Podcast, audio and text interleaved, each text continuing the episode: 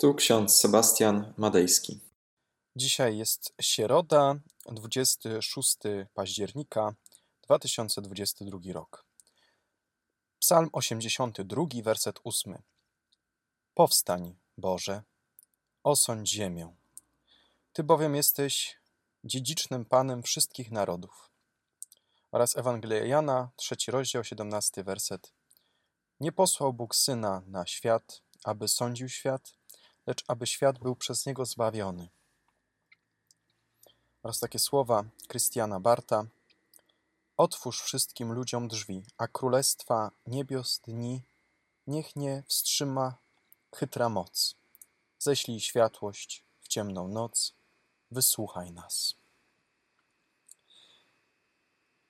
Drodzy, w kontekście nadchodzących świąt pamiątki umarłych, także święta reformacji, pojawia się pytanie o sąd. Czy kiedy umrzemy, jesteśmy sądzeni od razu, czy też będziemy czekać na sąd ostateczny? Co o tym mówi Pismo Święte?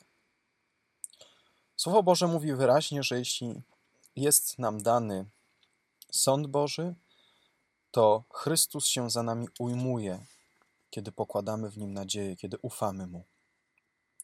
To nie zmienia jednak faktu, że powinniśmy zmieniać nasze życie, kształtować je zgodnie z tym, co Chrystus nam zostawił.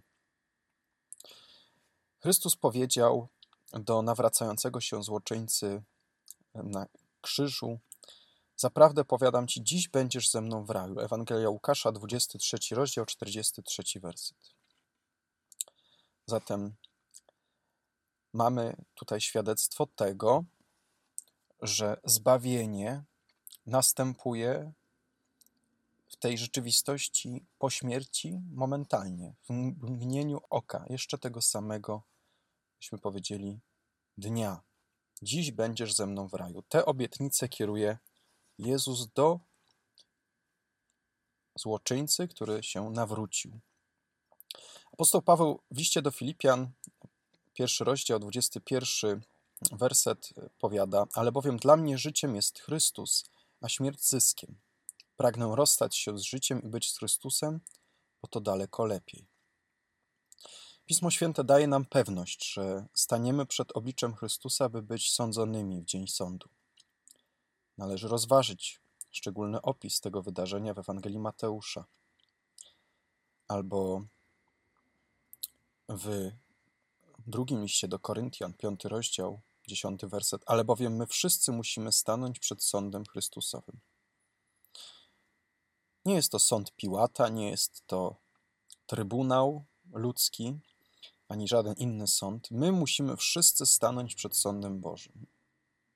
Najwyraźniej jesteśmy sądzeni prywatnie, indywidualnie w momencie naszej śmierci, gdy nasze dusze są przyjęte do chwały naszego Zbawiciela. Ale będziemy też sądzeni w dzień sądu ostatecznego z całą ludzkością. Ten sąd ogólny, światowy, odbędzie się w dniu ostatecznym, tak zwanym eschatonie, gdy nasze wskrzeszone ciała zostaną również przyjęte do chwały. Jaka jest w tym dobra nowina? Gdzie jest w tym Ewangelia? Oczywiście ona polega na tym, że my już znamy werdykt. Polega on na tym, że w Jezusie Chrystusie możemy radować się zbawieniem, które On dla nas zdobył. Zostało nam wybaczone. Nasze grzechy nie są liczone już przeciwko nam, ponieważ wziął je na siebie Jezus Chrystus i całkowicie się nimi zajął. Zapłacił za nie w całości. Jak czytamy w Ewangeliana, nie posłał Bóg Syna na świat, aby sądził świat, lecz aby świat był przez Niego zbawiony.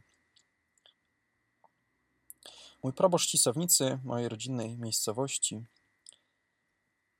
Pełnił posługę kapelana w szpitalu w Cieszynie. Opowiadał historię o ewangeliku, którego poznał w szpitalu. Ewangelik ten z uśmiechem na twarzy, po wspólnym zmówieniu wiary, tego samego, które wypowiadamy podczas nabożeństw, powiedział z naciskiem: I wierzę w grzechów odpuszczenie. I wierzę w grzechów odpuszczenie. Zatem ta wiara w odpuszczenie grzechów w Jezusie Chrystusie powoduje, że jesteśmy usprawiedliwieni, jesteśmy przyjęci przez Boga, pomimo naszych grzechów. To Bóg, Jezus Chrystus, staje nasze miejsce i usprawiedliwia nas, pomimo tego, że my zasługujemy na karę śmierci.